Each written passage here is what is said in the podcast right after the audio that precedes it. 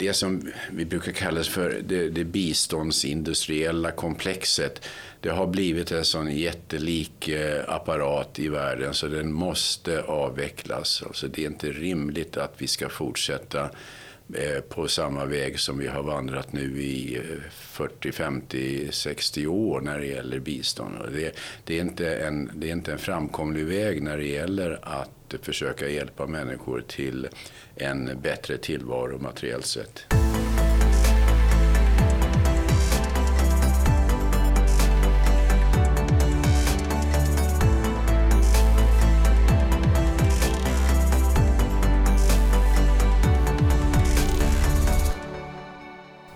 Bengt G Nilsson är författare och journalist med gedigna kunskaper och erfarenheter inte minst inom biståndspolitiken. Han har bland annat skrivit boken Sveriges afrikanska krig för Timbro förlag 2008 och eh, i en senare bok som kom 2017 som heter I tyst samförstånd Sverige och Sovjet i kalla krigets Afrika. Eh, och den handlar om hur miljarder fördes av till afrikanska befrielserörelser med nära band till Sovjet. Eh, allt i hemlighet för de som finansierade verksamheten, nämligen de svenska skattebetalarna. Bengt är vanligt förekommande skribent i bland annat Smedjan, Fokus och Access också. Varmt välkommen till Skattebetalarnas podcast. Uppskattat Bengt. Tack ska du ha. Väldigt trevligt och roligt att ha dig här. Jag har ju läst eh, vad du har skrivit eh, under flera år och inte minst lyssnat på det hos Aron Flam också där du har varit intervjuad i hans dekonstruktiv kritik. Mm. Vid ett flertal tillfällen. Eh, du har ju skrivit om biståndsfrågor länge. Var, varför började du intressera dig för de här frågorna? Ja, hörde du, alltså allt mitt eh, intresse när det gäller bistånd och Afrika och så vidare det har ju sitt ursprung i att jag som ung ryggsäcksluffare reste genom Östafrika i mitten av 1970-talet. Eh, och då kom jag i kontakt med biståndet genom att jag träffade människor som arbetar i den branschen och jag fick anledning att eh, bekanta mig med det. Och jag var ju då ganska uppfylld av eh, min egen föreställning om Sveriges förhållande till fattiga länder. Eh, jag hade läst någonting, en, en, en eh, kurs på Uppsala universitet som heter U-landskunskap med biståndsteknik. Mm. Som handlade då om vad man gör för att försöka bistå fattiga länder. Och när jag sen reste i Afrika så fick jag anledning att jämföra mina vad ska jag kalla det för, teoretiska kunskaper med det som jag faktiskt såg i verkligheten. Och det var rätt så stor dramatisk skillnad däremellan. Och det jag framförallt blev medveten om tror jag, det var väl det här att det finns ett väldigt glapp mellan vad svenska skattebetalare, om du så vill, eh, föreställer sig att bistånd handlar om och vad det faktiskt handlar om på, på marken, på plats i ja, mest av allt Afrika. Mm. Mm. Du, men eh, du, som, som eh, ung då så reste du runt mycket i Afrika och samlade en hel, in, hel del intryck då från, mm. och där du ställde eh, teorin mot praktik. Ja. Eh, har din syn på bistånd förändrats från, det, jag anar det, att den förändrades från åtminstone studietiden till nu? Ja, det har den gjort och jag tror, jag kan väl säga att jag blir jag blir strängare med åren. Jag har ju jobbat som journalist väldigt mycket i Afrika. Jag har gjort eh, dokumentärfilm för SVT.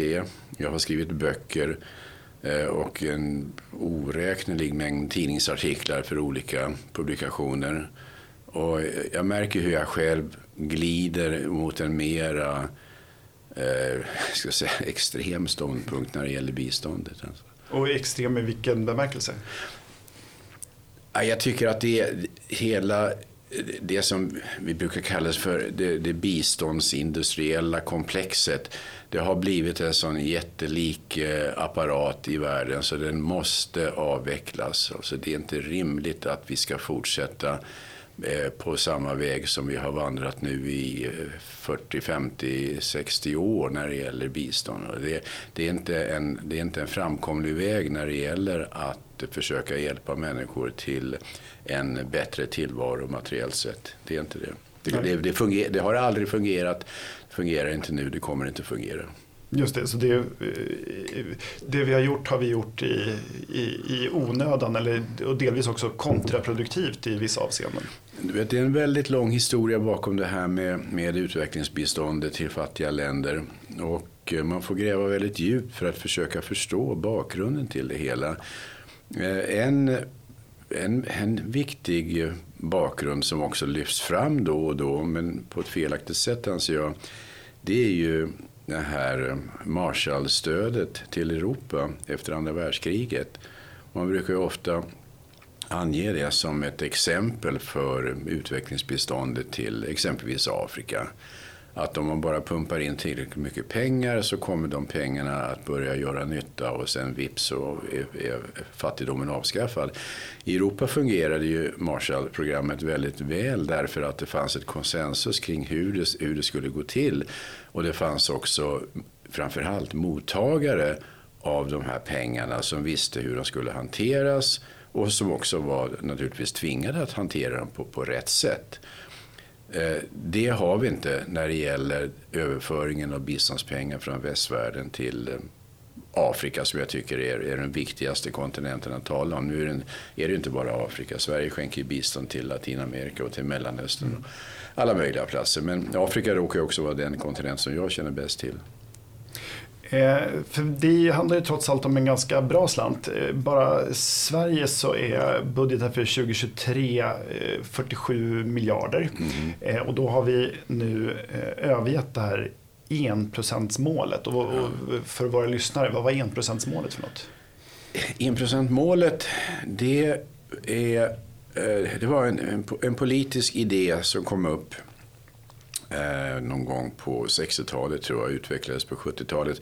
Och man började kämpa för det här. De som framförallt gick i bräschen för enprocentsmålet det var ju eh, Folkpartiet faktiskt. Mm. Och senare även KD. Och eh, så småningom så lyckades man uppnå konsensus kring själva idén att, eh, att Sverige ska avsätta 1 procent av bruttonationalprodukten eller bruttonationalinkomsten till bistånd. 1 procent det ska vara budgeten. Mm. Eh, och eh, med det följer då ett eh, utbetalningsmål också. Eh, alltså om man då bestämmer sig för att budgeten ska vara si och så stor, ja då ska ju pengarna användas också. Och det innebär att man då måste man ju verkligen börja titta sig omkring var kan vi placera de här pengarna någonstans. Och där menar jag, där startade det, det, det, det, det stora missbruket av svenska biståndspengar. När det inte längre var behoven som styrde utan snarare alltså behovet av att betala ut pengar som styrde. Just det, målsättningen ja. är att betala ut pengar, inte ja. vilken skillnad de ska göra. Ja. Vilka är det som tar emot bistånd då? Ja, idag är det ju en uppsjö av eh, enskilda stater, av eh, multilaterala organisationer, av små hjälporganisationer och det är en, en, en, verkligen en uppsjö av olika mottagare. Sverige sponsrar med hjälp av biståndet. Eh, tidigare, om vi backar tillbaka till eh, ska vi säga, 70-talet, låt säga, så var det ju mera populärt i biståndsbranschen här i Sverige att man då hade projekt på gång i enskilda mottagarländer. Det kunde handla om att eh, ja, ta till exempel Bai Bang, pappersbruket mm. i Vietnam. Ett bra exempel på ett sådant projekt. Va? Där Sverige la in en ohygglig massa pengar för att bygga ett pappersbruk i Nordvietnam. Eh, och eh, den där typen av projekt är inte så vanliga längre utan nu är det ofta så att Sverige samarbetar eller ingår som en del i ett större eh, arbete som ofta då organiseras av något någon FN-program av något slag. EU tar emot rätt mycket visumspengar från Sverige. Och där går ju pengarna in i, i en, en, budget som Sverige överhuvudtaget inte kan kontrollera. I alla fall inte styra särskilt mycket. Ett exempel på det är ju eh, för ett antal år sedan så bestämde sig Sverige för att inte längre skänka något bistånd till Eritrea därför att man nog gillade eh, regeringen i Eritrea. Eh, Afewerki, president Afewerki. Eh, och det hängde samman med hela storyn kring David Isak och allt det där. Va? Så Sverige avbröt det bistånd som vi hade till Eritrea. Men, och, det vill ju då Sida gärna slå sig för bröstet för också och säga att vi har minsann inget bistånd till Eritrea längre därför att vi, vi, vi värnar om de mänskliga rättigheterna etc. etc. Men vad man inte då berättade i sammanhanget det var att svenska pengar fortfarande gick in i EUs budget för bistånd och där fortsatte pengarna att strömma in i Eritrea. Och, så här går det till. Alltså, biståndsbranschen är, menar jag, väldigt korrumperad just därför att ett annat exempel på om det är korruption eller om det är förbiseende eh, vet jag faktiskt inte riktigt. Men eh, jag tittade häromdagen på eh, hur det ser ut när det gäller det svenska biståndet till eh, FNs organisation för palestinska flyktingar, UNRWA. Mm. heter den organisationen. Eh, och eh, där på Sidas hemsida kan man läsa om hur man definierar en palestinsk flykting. Eh, och det är då en person som levde i, i eh, det som kallades för Palestina mellan 1946 och 1948 och som tvingades lämna hus och hem på grund av den israelisk-palestinska konflikten. Punkt slut. Vad som inte nämns där och som är oerhört väsentligt det är att flyktingskapet går i arv. Ja. Så det innebär att då, på den tiden så talade vi alltså om cirka kanske mellan sju, ja, och cirka 700 000 människor som kunde definieras som palestinska flyktingar. Idag har den summan vuxit till cirka 5,7 miljoner. Därför att flyktingskapet går i arv, vilket är fullständigt unikt. Det finns ingen annan plats i världen tror jag där flyktingskap går i arv på det sättet. Det underlät Sida att informera om och det menar jag är ohederligt mot svenska skattebetalare som bör känna till hur deras pengar används och vad de går till. Mm. Finns det andra problem förknippat? För det här är ju väldigt konstigt. För eh, Israel-Palestina-konflikten är ju en förvisso stor och viktig konflikt men den får ju oerhört mycket utrymme i Sverige. Mm. Eh, och UNRWA är väl den enda, är en organisation som bara finns, en FN-organisation som bara finns till för ja. just eh, Palestina och det är också ganska unikt. Ja det är det. Eh, det där det där hänger nog väldigt nära samman med att eh, det var ju FN som beslutade om delningen av det brittiska mandatet Palestina eh, på 1940-talet. Som resulterade i att staten Israel bildades 1948. Alltså det, det, var ju, alltså FN var ju så att säga barnmorska som förlöste staten Israel och resultatet blev då en väldig massa palestinska flyktingar. Och det där gjorde väl att FN kände att jösses vad har vi ställt till med, vi måste försöka reda ut det här på något vis. Och då skapade man den här organisationen United Nations Work and Relief Agency for Palestine Refugees. Och den har fått också en del kritik eh, för att de har bland annat spridit antisemitisk propaganda ja. och eh, ger ut läroböcker i Palestina som, som har ett tveksamt innehåll. Va? Ja, eh, absolut. Eh, så UNRWA har ju existerat nu ända sedan 1949. Eh, och eh, har en ganska rejäl budget. Det är alltså olika FN-medlemsländer som skjuter till pengar enligt en uppgjord plan. Det man, man, man beslutar om hur mycket som ska betalas in av de olika medlemsländerna för ett, under ett antal år. Och Sverige är fortfarande bundet av det där fram till, ja, jag tror att om två eller tre år ska det omförhandlas. Eller sånt där. Eh, men de som arbetar inom UNRWA, de som jobbar med praktiska saker på marken så att säga, är ju nästan enbart palestinier. Och det är väl helt okej. Okay. Organisationen är ju till för att ge arbete till folk. Va? Så, så långt är allting gott och väl. Men pro problem uppstår framförallt på en sån här plats som Gazaremsan. Där bor ungefär två miljoner människor.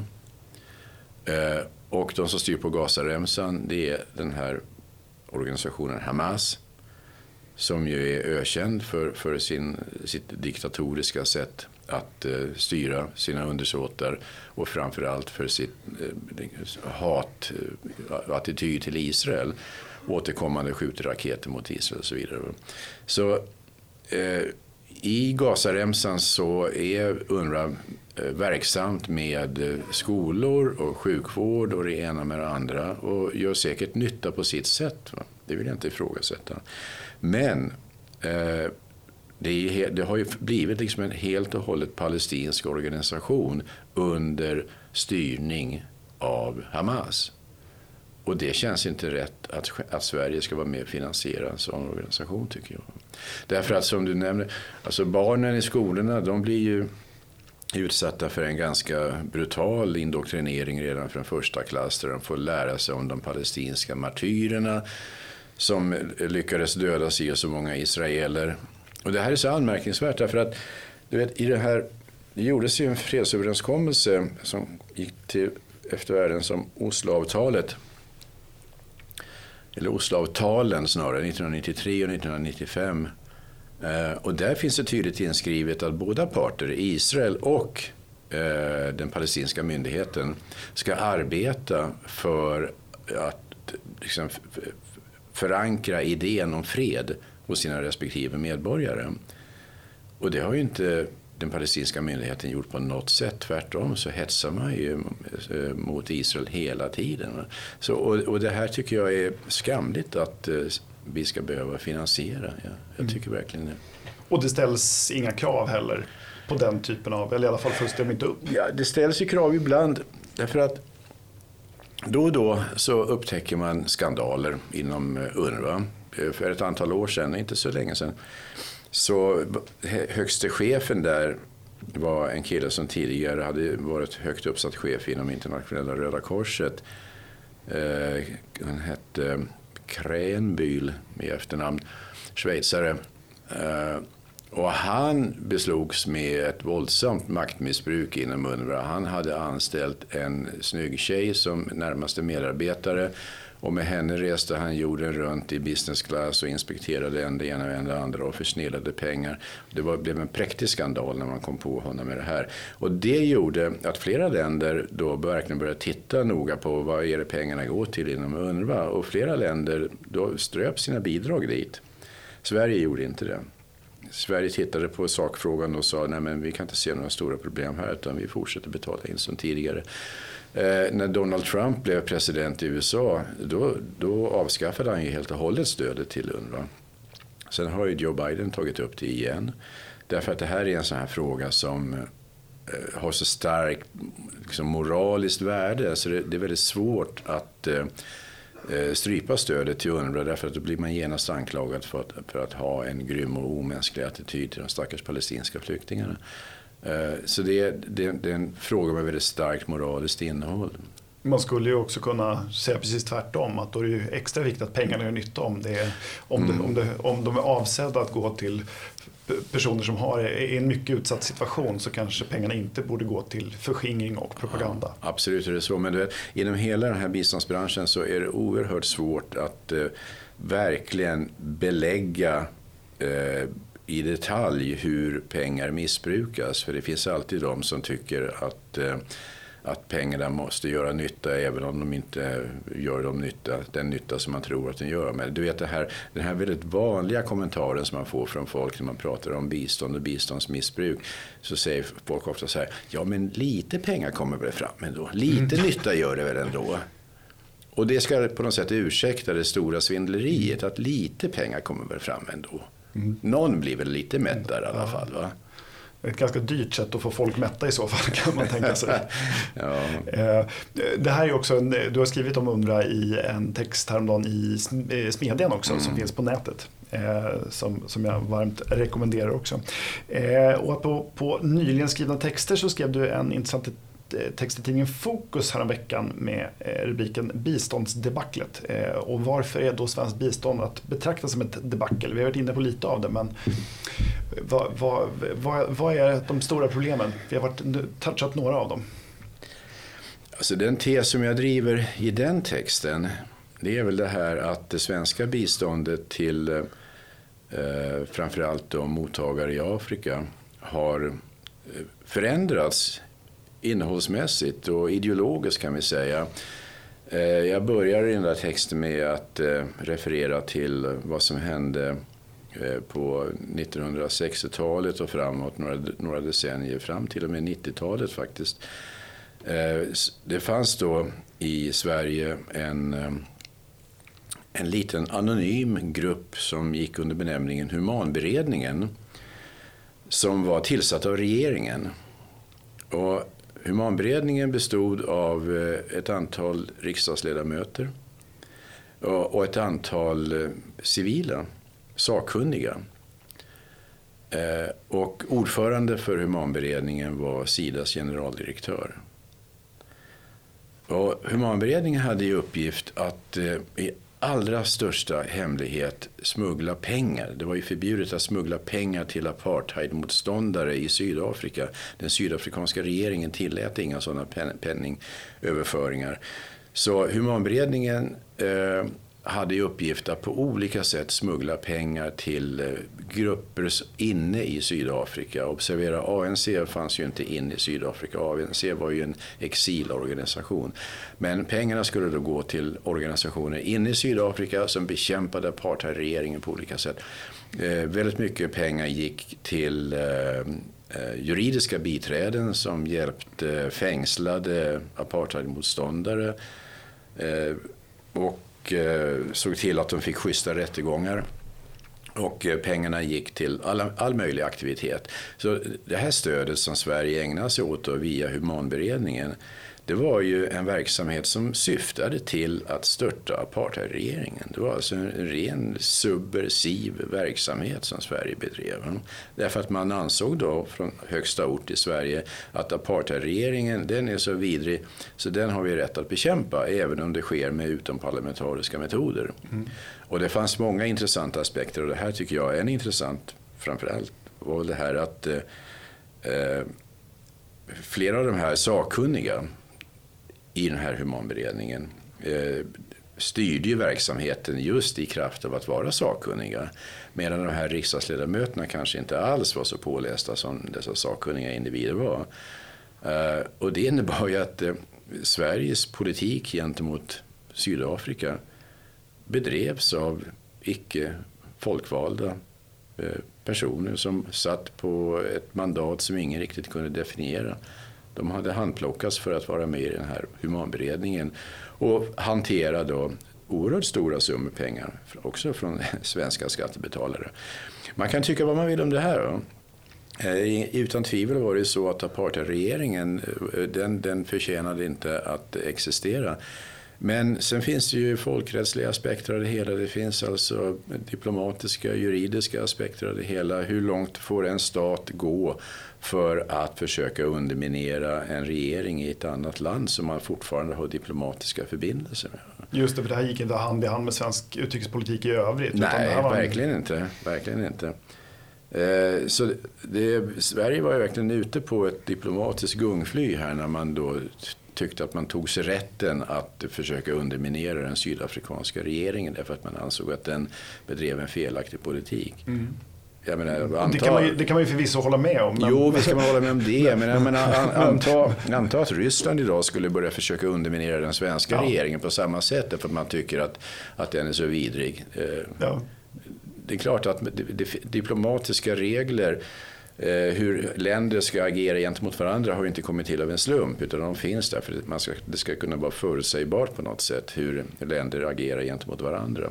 Men så där var det. Och det jag, den tes som jag sagt jag driver i min artikel i senaste i Fokus där, det, det var ju det att på den tiden så stöttade Sverige inte bara motståndet i Sydafrika utan också öppet och officiellt så stöttade vi motståndsrörelser i de gamla portugisiska, eller i portugisiska kolonier. Mm. Angola, Mosambik, Guinea-Bissau, Kap Verde. Eh, det var rätt mycket pengar som gick in till de motståndsgrupperna som jobbade där. Även i, eh, i eh, Rhodesia som sedermera blev Zimbabwe. Och det här vållade en hel del diplomatisk gnissel mellan Portugal och Sverige därför att vi var ju till exempel, både Portugal och Sverige var med i EFTA. Eh, hade en hel del raka, eh, schyssta handelsförbindelser. Och det är klart att portugiserna inte var så glada i det här, att Sverige försökte underminera deras kontroll över sina kolonier. Som de inte ens kallade för kolonier, de ansåg att det var en del av Portugal. Eh, och så småningom så, det här ledde ju fram till också att de här olika grupperna i Angola, Mozambik, Guinea-Bissau, Kap Verde tog ju makten. De lyckades med hjälp av stöd från Sovjetunionen när det gällde vapen och i vissa fall till och med kubanska stridande trupper och annat så kallat humanitärt stöd från Sverige. Så lyckades de besegra kolonialmakten, ta makten och inrätta djupt odemokratiska diktatoriska regeringar i varje enskilt land. Eh, Sverige hade någon så här, naiv föreställning om att vi skulle kunna liksom plantera socialdemokrati i de här länderna. Alla de här skulle bli socialdemokrater. Det, ingen av dem kom ens i närheten av det. Avbröt man då biståndet? Nej, nej. nej, nej det fortsatte. Mosambik är ett fall i sig, alltså där Sverige har under årens lopp pumpat in ohyggliga summor pengar och landet har bara liksom rört sig neråt, neråt, neråt när det gäller korruption. Har, har det svenska biståndet påfallande ofta då gått till eh, länder som har haft också sovjetiskt stöd mm. eh, på den tiden och sen har man fortsatt med bistånd även efteråt. Har de här pengarna eh, de kan ha bidragit till att det har blivit ett, en förändrad regim. Har det också hållit tillbaka utvecklingen? Eller har, har pengarna gjort nytta eller har de gjort mer skada? Ja, alltså jag tycker nog att eh, kolonialismen den hade väl inte några vidare framtidsutsikter överhuvudtaget. Så det är klart att de portugisiska kolonierna de förtjänade eh, att befrias från Portugal, det tycker jag ju verkligen. Men jag hade ju önskat att man hade kunnat få någon typ av någorlunda demokratiska styren istället och så skedde ju inte utan tvärtom så blev det ju väldigt repressiva regeringar som tog makten i de här länderna. Så det är väldigt svårt att utvärdera tycker jag. Eh, var det rätt eller fel av Sverige att stötta befrielserörelserna i de här länderna? Just då när det skedde så föreföll det att vara rätt men i efterhand så kan man väl säga att det var mycket som gick snett, mycket som gick fel och det var felbedömningar. Eh, det är aldrig lätt att vara efterklok som man säger. Mm. Men eh, den tidsanda som rådde då var ju väldigt, väldigt präglad av, av kamp mot kolonialismen och det sammanföll ju med stödet till FNL, Vietnam och så vidare. Eh, stödet till ANC i Sydafrika var ju oerhört starkt i Sverige. Eh, och att i det, i det, i den, liksom den, i det samtalsklimatet kommer att hävda att Sverige bör inte stötta de här befrielserörelserna i de portugisiska kolonierna därför att vi tror inte att de kommer att utvecklas till demokratiska regeringar. Det hade inte mottagits särskilt väl. Mm. Finns det, har man i efterhand, finns det någon intern kritik? Har man lärt sig något av sina misstag på de här områdena? Sida är väldigt dåligt på intern, alltså att självkritik. Det är, inte, det är inte Sidas starkaste gren, verkligen inte. Och jag tror inte att UD heller ägnar sig särskilt mycket åt det. Utan man tittar på vad som händer, suckar lite uppgivet och säger okej, okay, tillbaka till ritbordet och försöka hitta på någonting nytt här. Vi gjorde i alla fall av med pengarna. Ja, precis. Man uppnådde i alla fall utbetalningsmålet. Exakt. Det var ju huvudsaken. Eh, på Sidas hemsida så delar man in biståndet i utvecklingssamarbete och humanitärt bistånd. Vad skiljer de här två kategorierna åt? Ja, det är väldigt viktigt att hålla isär de här sakerna. Det, det är många gånger som folk blandar ihop det här och det tycker jag är väldigt olyckligt för då vet man inte längre vad man pratar om. Eh, vi har ju det som kallas för katastrofbistånd. Och katastrofbistånd handlar ju om att eh, hjälpa människor som råkar ut för akuta katastrofer. Det kan vara översvämningar eller akut torka eller någonting snarlikt. Eh, och sen har vi då utvecklingsbistånd. Som ju ska vara precis vad det låter som. Att det ska hjälpa folk att, att eh, kunna utveckla ekonomin för att kunna få det bättre. Men det låter sig inte göras med mindre än att mottagarlandet är med på noterna och tycker att det här är en bra idé. Och det är sällan det på det sättet. Beroende på att mottagarländerna eh, ofta har helt andra prioriteringar. Mm. Och det är inte säkert, alltså, det finns ju beprövade sätt att skapa välstånd som man har lyckats med, mm. inte minst i, ja, i, flera asiatiska länder och även i delar av Afrika nu för tiden, mm. men, men eh, USA och sådär där man har eh, där man skapar välstånd och tillväxt och sådär. Försöker man hjälpa de här länderna att skapa sådana system eller underhåller man deras egna idéer om vad, som, vad, vad man tror de här länderna kan skapa välstånd?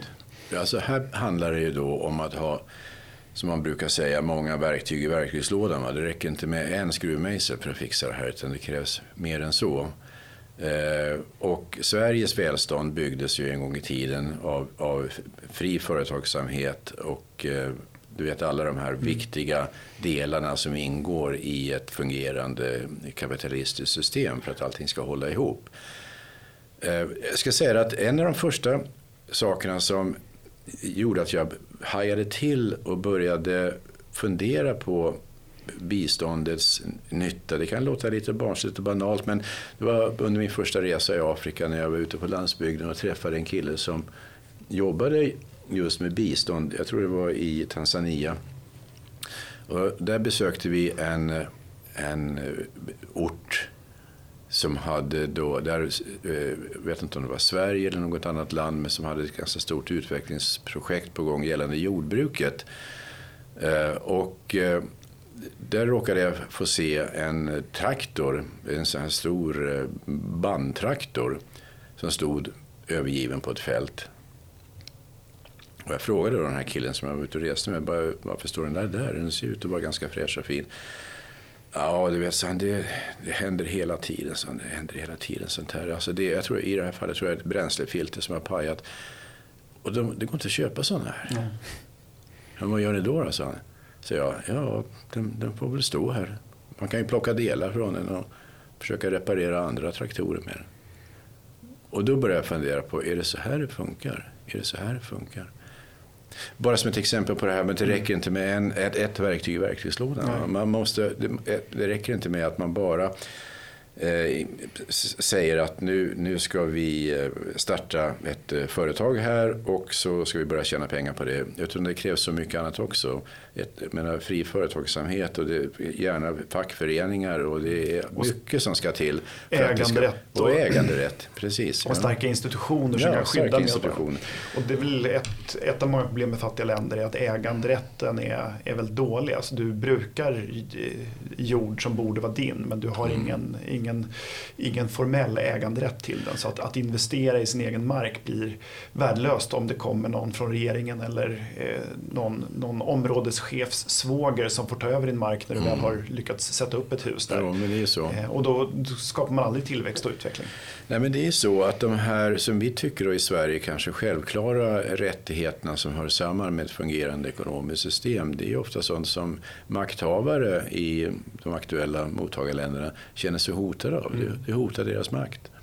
Eh, jag kan ta ett exempel som Etiopien som jag känner till hyfsat väl. Eh, Etiopien har ju en lång och fascinerande historia.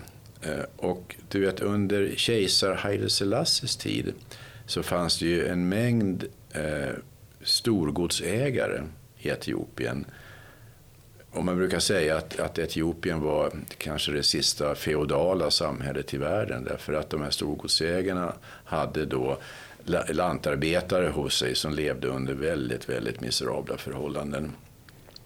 Eh, och storgodsägarna, de ägde ju marken.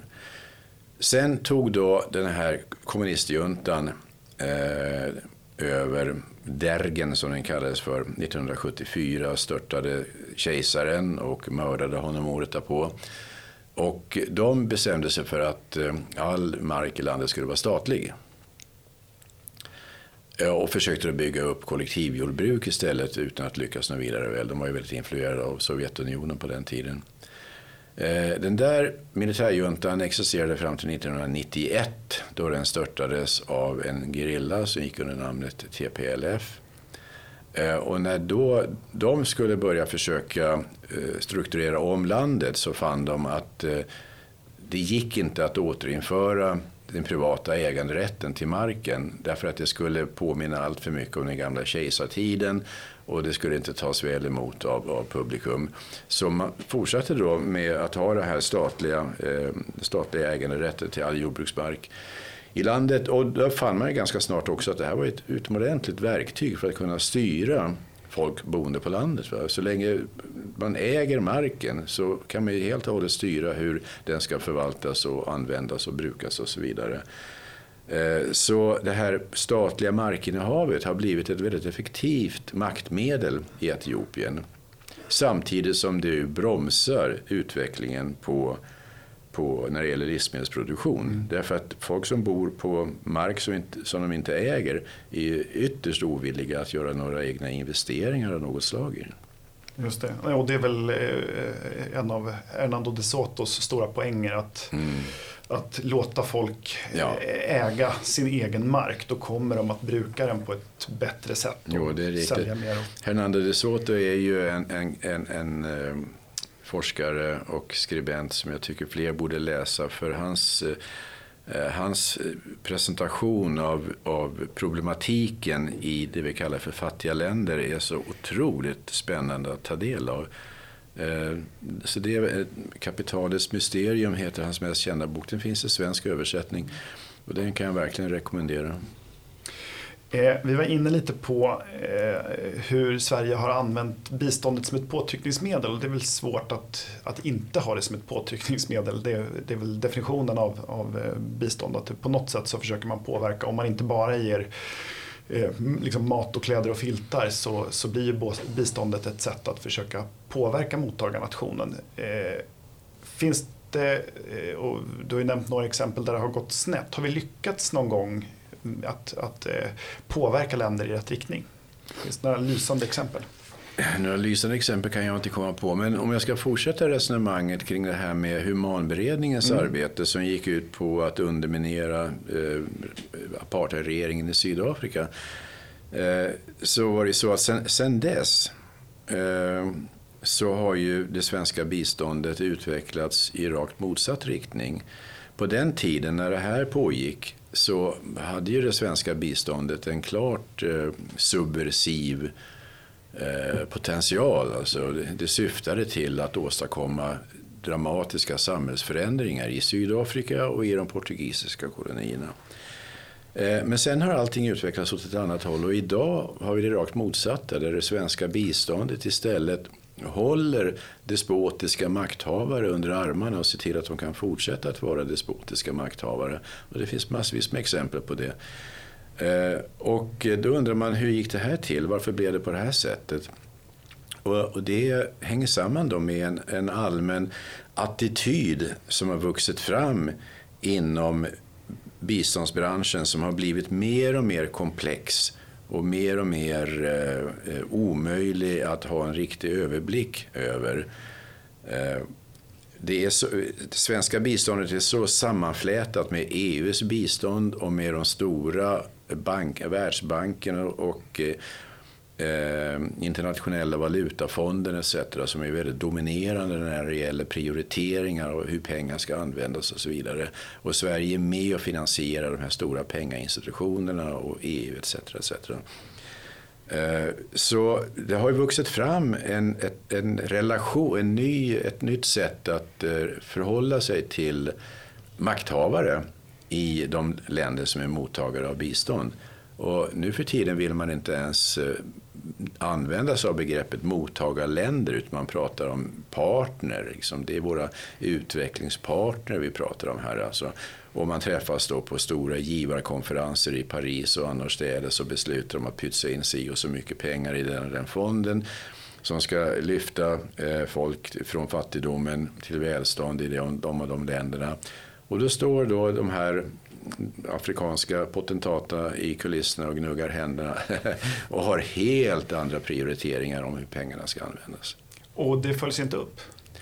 Nej, alltså, jag tror att det har utvecklats en, en, en kultur i biståndsbranschen där man väljer att inte eh, man väljer att sitta still i båten på något sätt. Man väljer att inte bråka om det här därför att det har blivit en självgående Eh, en, en självgående apparat som så många människor är involverade i, som så många människor har som sin födkrok och som sin karriärbana.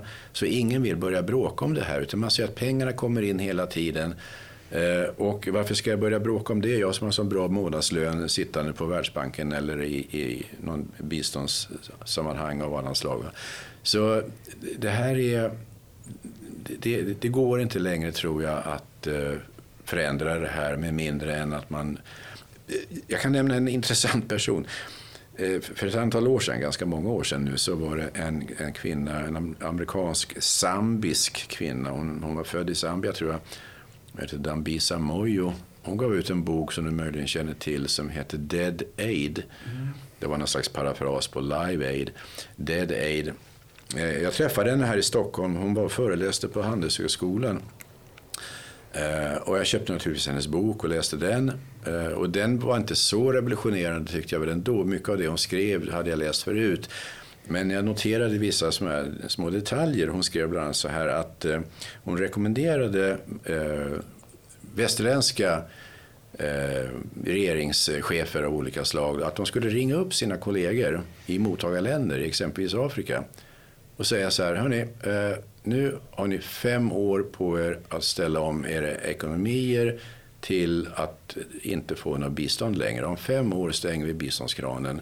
Då ska ni se till att få ordning på era finanser så ni klarar er själva. Och hon, Dambisa Moyo, skrev att jag är övertygad om att inget ingen katastrof kommer att komma av det här. Tvärtom, det kommer att vara välgörande.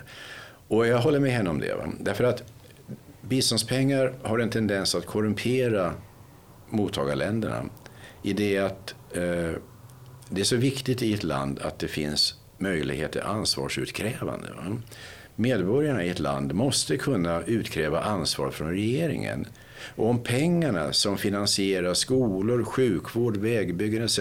kommer från annat håll så finns ingen möjlighet till ansvarsutkrävande. Om, om folk går ut och blir förbannade för att det och det inte fungerar så säger regeringen, ja men du vet det är inte vi som har byggt det här utan du får snacka med EU om det. Mm. Det är de som har gjort det. Eh, samt att eh, överhuvudtaget samhällskontraktet det viktiga samhällskontraktet. Medborgarna ska betala in skatt och, och i gengäld så ska de få social service.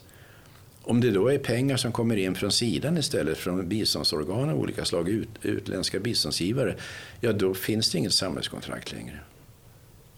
Och, och samtidigt så eh, sker inte något ansvarsutkrävande från givarna. Eh, utan tvärtom så mm. är det här ett sätt för dem att eh, ja, vad heter det?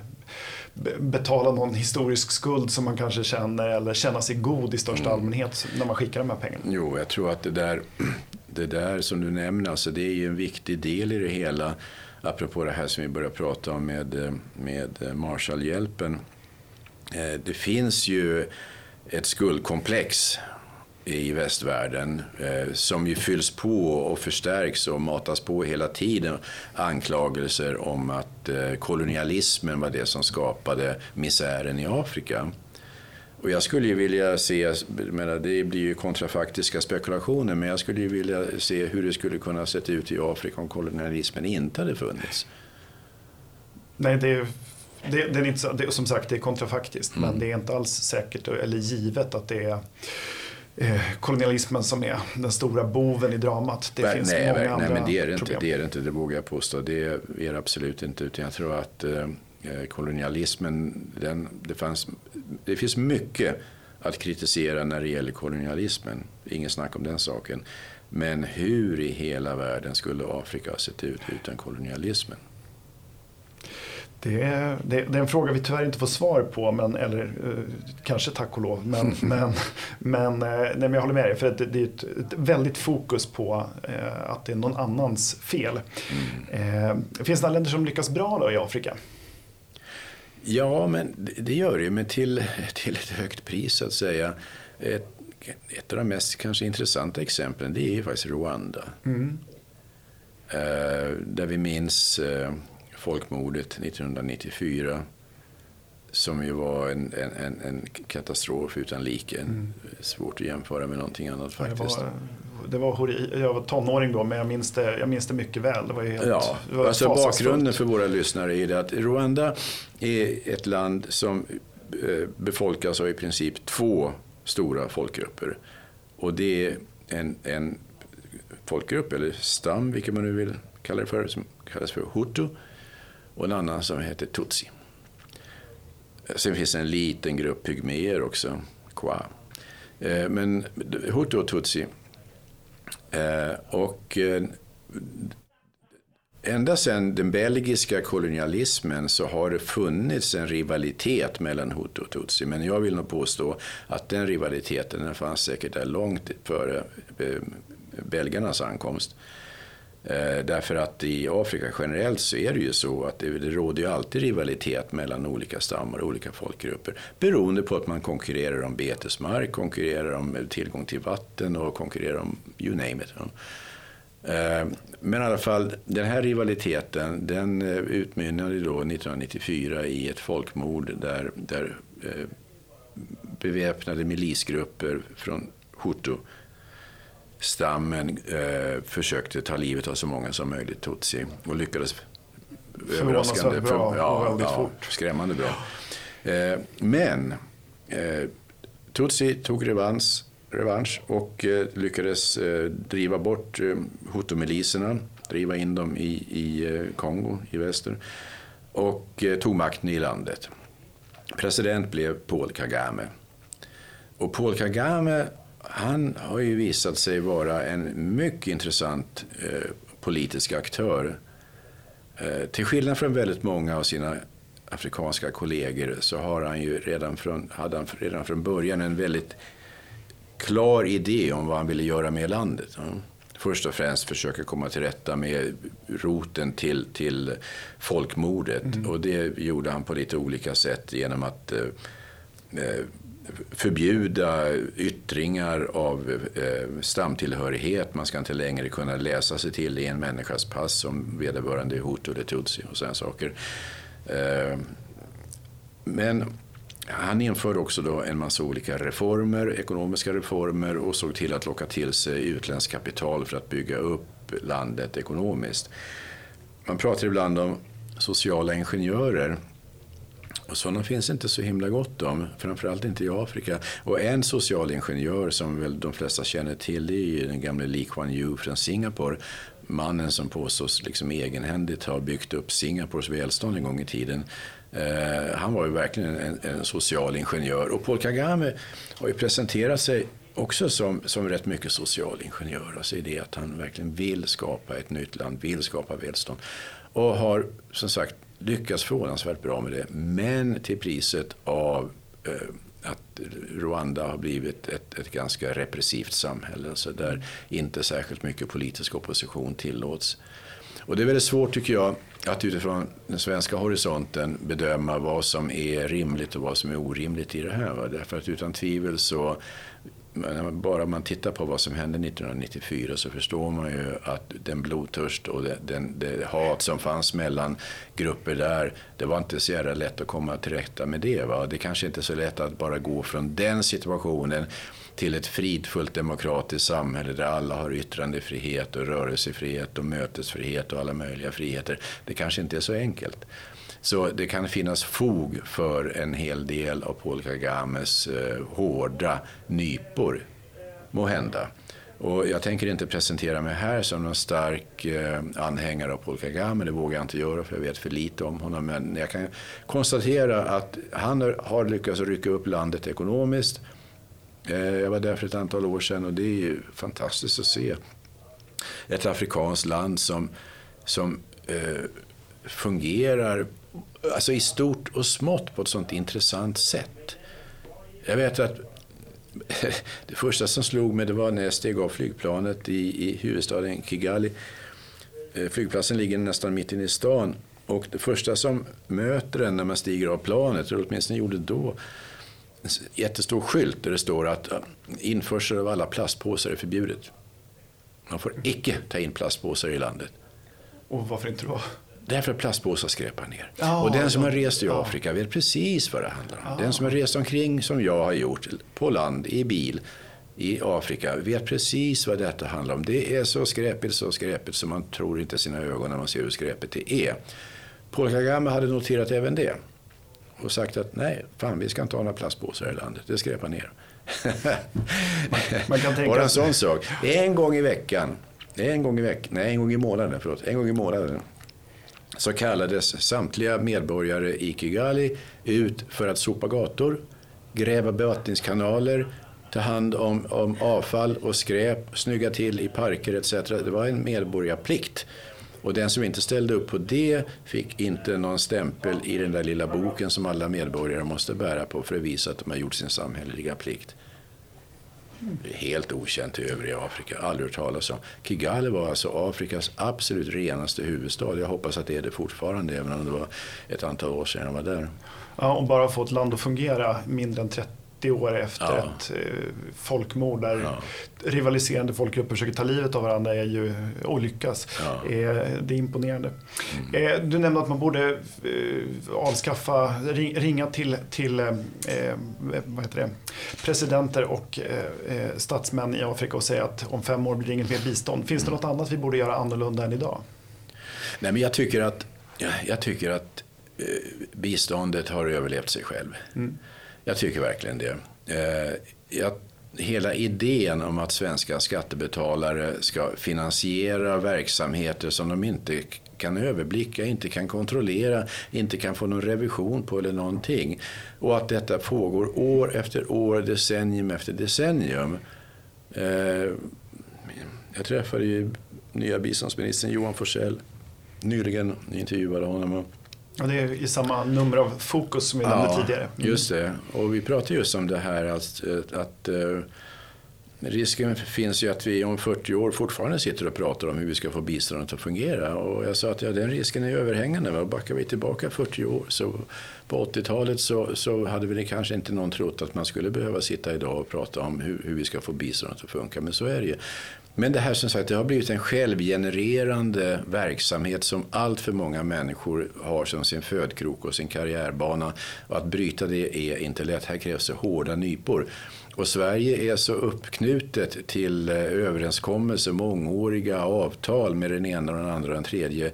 Det är EU och det är Världsbanken och det är alla möjliga parter som Sverige har knutit upp sig till. Så det är svårt att ta sig ur, men det måste avvecklas. Det måste avvecklas, för det här är ingen väg framåt. Och eh, det finns många, som sagt, det vi har pratat om här nu idag, det finns många aspekter i det här. Inte minst att människor som bor i Afrika, jag fokuserar på Afrika eftersom det är den kontinent jag känner bäst till, eh, de måste kunna få möjlighet till ansvarsutkrävande gentemot de som styr landet. Alltså. Eh, och det får de inte så länge som biståndet står för så stor del av statsbudgeten. I somliga länder är biståndet 50 procent av budgeten. Mm vad är det man brukar säga, ge en man en fisk och han är mätt i en dag genom ja. att lära honom att fiska och han, han kommer mätt hela livet. Eh, ett skäl till att det finns starka röster för att behålla biståndet är att vi hittills har lagt ganska, eh, en viktig del av biståndsbudgeten har gått till informationsinsatser i Sverige. Men det ska väl nu dras åt? Och det tycker jag, jag, första gången jag hörde talas om det för sådär 15-20 år sedan så hoppade jag nästan till för jag trodde att biståndet, även om det inte alltid lyckades, gick direkt till mottagare i andra länder. Men mm. en ganska stor del har använts för att biståndsorganisationer ska bedriva opinion för bistånd ja, i Sverige. Ja, det är förfärligt. Det är förfärligt. Du hör ju själv hur det, ja, det låter. Alltså. Jag tycker att det är helt vansinnigt. Ja, visst. Jag menar att Sida ska betala publicister för att de ska göra reklam för Sida. Och liksom hålla eh, givarviljan vid liv. Alltså mm. biståndsviljan ska, ska hållas vid liv hos, i svenska folket. Det, det innebär att svenska folket ska utsättas för en indoktrinering där de inbillar sig att deras skattepengar gör nytta utomlands mm. fast de inte gör det.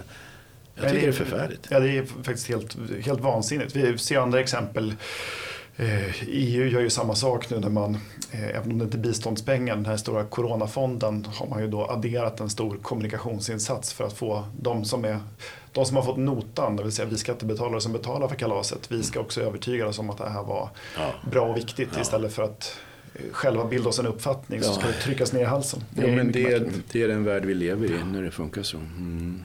Ja, eh, har du gott hopp om att eh, man kanske inte går hela vägen? Eh, men regeringen har ju trots allt skrotat enprocentsmålet och skurit ner eh, kommunikationsbudgeten. Mm. Eh, tror du att man kommer att nå någon framgång? Eh, jag kan ju bara hoppas och fantisera men det har ju talats så mycket om att den här nya regeringen ska genomföra paradigmskiften mm. och så vidare. Och jag skulle vilja se ett paradigmskifte när det gäller just biståndet. Alltså. Det, det och många andra områden i, min, i mitt fall, men gärna på biståndsområdet också. Mm, mm. Ja, mycket intressant. Det har varit eh, fantastiskt roligt att eh, prata med Bengt. Det, har, eh, det är oerhört, oerhört spännande. Vi jag skulle kunna hålla på mycket längre till. Eh, och det tror jag våra lyssnare skulle vilja också. Men då vill jag istället varmt rekommendera att eh, ni läser Bengt. Eh, som sagt, det finns en alldeles ny artikel på Smedjans hemsida. Och där har du också skrivit fler artiklar tidigare. För de som har tillgång till Fokus och Access finns det mycket skrivet där. Och sen har du ett stort antal böcker som finns att köpa där mm. böcker finns helt enkelt. Ja. De är utgivna på några olika förlag. Eh, I Aron Flams dekonstruktiv kritik som jag nämnde tidigare så finns också du som gäst vid åtminstone ett par eller tre tillfällen tror jag. Mm. Eh, oerhört roligt och uppskattat att ha dig här Bengt. Tack. Tack. Tack. Kul att vara här. Mm. Trevligt. Uppskattat, det är en podcast från Skattebetalarnas förening. Vi arbetar för låga och rättvisa skatter, rättssäkerhet för skattskyldiga och minskat slöseri med skattepengar. Vi bildar opinion och folkbildar i skattefrågan. Och vi lever som vi lär och tar bara emot frivilliga bidrag. Uppskattar du podden kan du gärna ge oss ett gott betyg i din app och vill du medverka till att Sverige blir ett land med minskat slöseri och rimligare skatter så stödjer du oss enklast genom att bli medlem. Läs mer och bli medlem på www.skattebetalarna.se bli medlem. Till nästa vecka, ha det så bra!